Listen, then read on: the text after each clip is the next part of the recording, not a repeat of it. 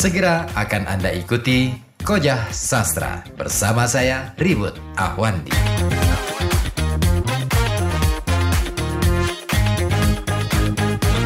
Ketika saya menemukan ah, ini satu buku ini uh, buku kecil Babat Jambu Karang. Ini juga menarik karena ini cerita kan kalau ini cerita benar-benar uh, seperti novel. Prosa Jawa.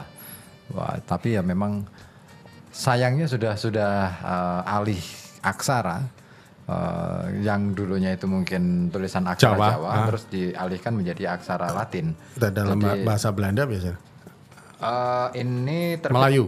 bahasa Indonesia eh, terbit tahun eh, 53 cetakan keberapa ini wah ini buku-buku kecil semacam ini sebenarnya sangat berguna untuk kita Iya. mencoba menelusuri Iya, itu di Pekalongan ada penerbit Fortuna ya yang tahun 1900 sekian itu juga ada menerbitkan beberapa buku tentang tentang cerita. Saya lupa ada beberapa buku penerbit uh, Fortuna itu eh, yang kalau nggak salah ada di apakah itu ada di Bukisan atau di Keplean Yang di ataukah mungkin percetakan Bakti yang sekarang ya kita masih perlu menelusuri. coba itu Ah. kita telusuri Ah. siapa tahu eh, ketemu ada ketemu. beberapa termasuk ada resep batik yang yang diterbitkan oleh buku uh, per- uh, apa Fortuner Fortuna Betul. Soalnya kan gini, Wang Dahai uh, ini pengembara dari Cina, seorang sarjana dari Cina. Dia rajin banget mencatat uh, perjalanannya, termasuk yang ada di Pekalongan ketika dia mampir di Pekalongan.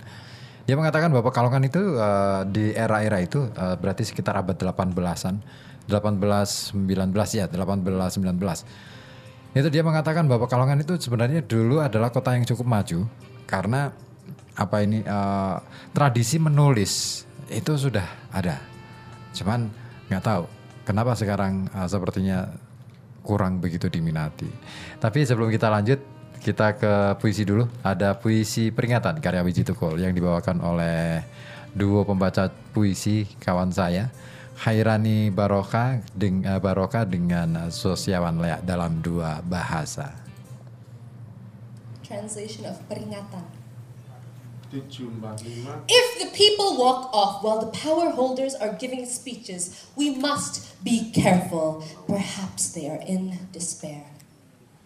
If the people hide and whisper when they talk about their own situations, those in power must be watchful and learn to listen. If the people are not game to complain, that means the situation is critical. And if the power holders' words may not be contested, truth is certainly at risk.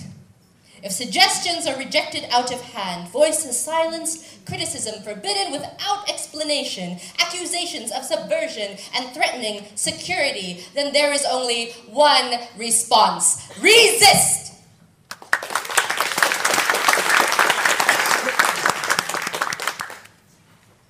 peringatan. Jika rakyat pergi ketika penguasa pidato, kita harus hati-hati. Barangkali mereka putus asa. Kalau rakyat bersembunyi dan berbisik-bisik ketika membicarakan masalahnya sendiri, penguasa harus waspada dan belajar mendengar. Bila rakyat berani mengeluh, itu artinya sudah gawat. Dan bila omongan penguasa tidak boleh dibantah, kebenaran pasti terancam. Apabila usul ditolak tanpa ditimbang, suara dibungkam, kritik dilarang tanpa alasan, dituduh subversif dan mengganggu